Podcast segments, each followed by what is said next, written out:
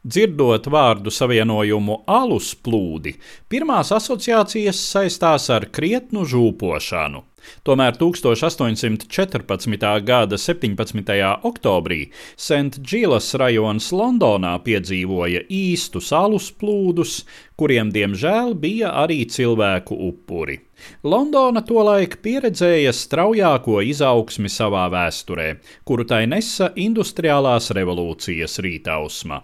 Taču vētrainajai attīstībai bija daudz negatīvu blakus parādību, kas saistījās ar trūcīgo iedzīvotāju masveidīgu pārcelšanos uz pilsētām, kur viņus gaidīja dzīve ļoti pieticīgos apstākļos.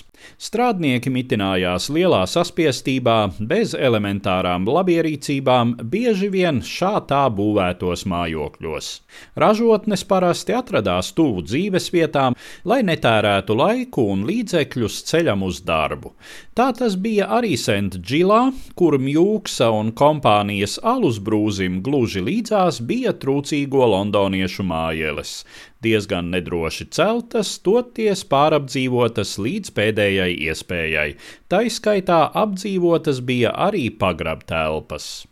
1814. gada rudenī Mjūksa un kompānijas brūzija apmēram 6 metrus augstā koka tvertnē jau desmito mēnesi rūga vairāk nekā 60 tūkstoši litru stiprā eila. Kas attiecas uz tvertni, tā bija, kā saka, pieredzējusi labākus laikus. 17. oktobrī apkārtni satricināja sprādzienam līdzīgs troksnis, tvertnes stīpas nebija izturējušas šķidruma spiedienu. Alus šaltis no galvenā tilpuma apgāza pārējās telpā esošās tvertnes, un pēc mirkļa jau gandrīz 150 tūkstoši litru alus spiedās pret nesevišķi stiprajām brūža sienām. Viena no sienām neizturēja, brūkot tā sagrāva divas tieši līdzās esošās mājeles, savukārt vairākām citām mājām tika aplūdināti pagrabi un apakšējie stāvi.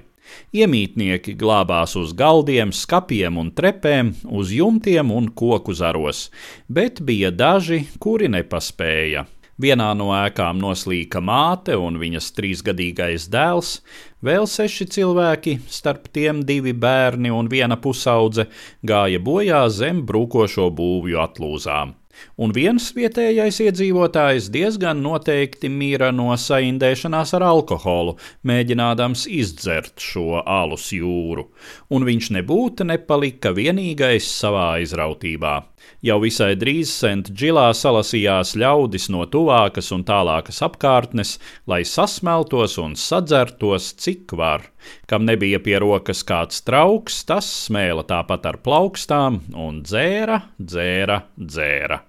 Tikām zem ēku drupām iesprostotie izmisīgi kliedza pēc palīdzības.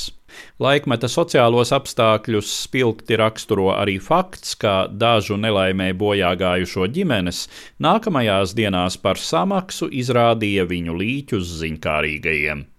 No mūsdienu viedokļa raugoties, drošības tehnikas pārkāpumi brūža darbībā šķiet acīm redzami, bet 19. gadsimta Londonas tiesa Mjūksa un kompānijas vainu notikušajā nesaskatīja.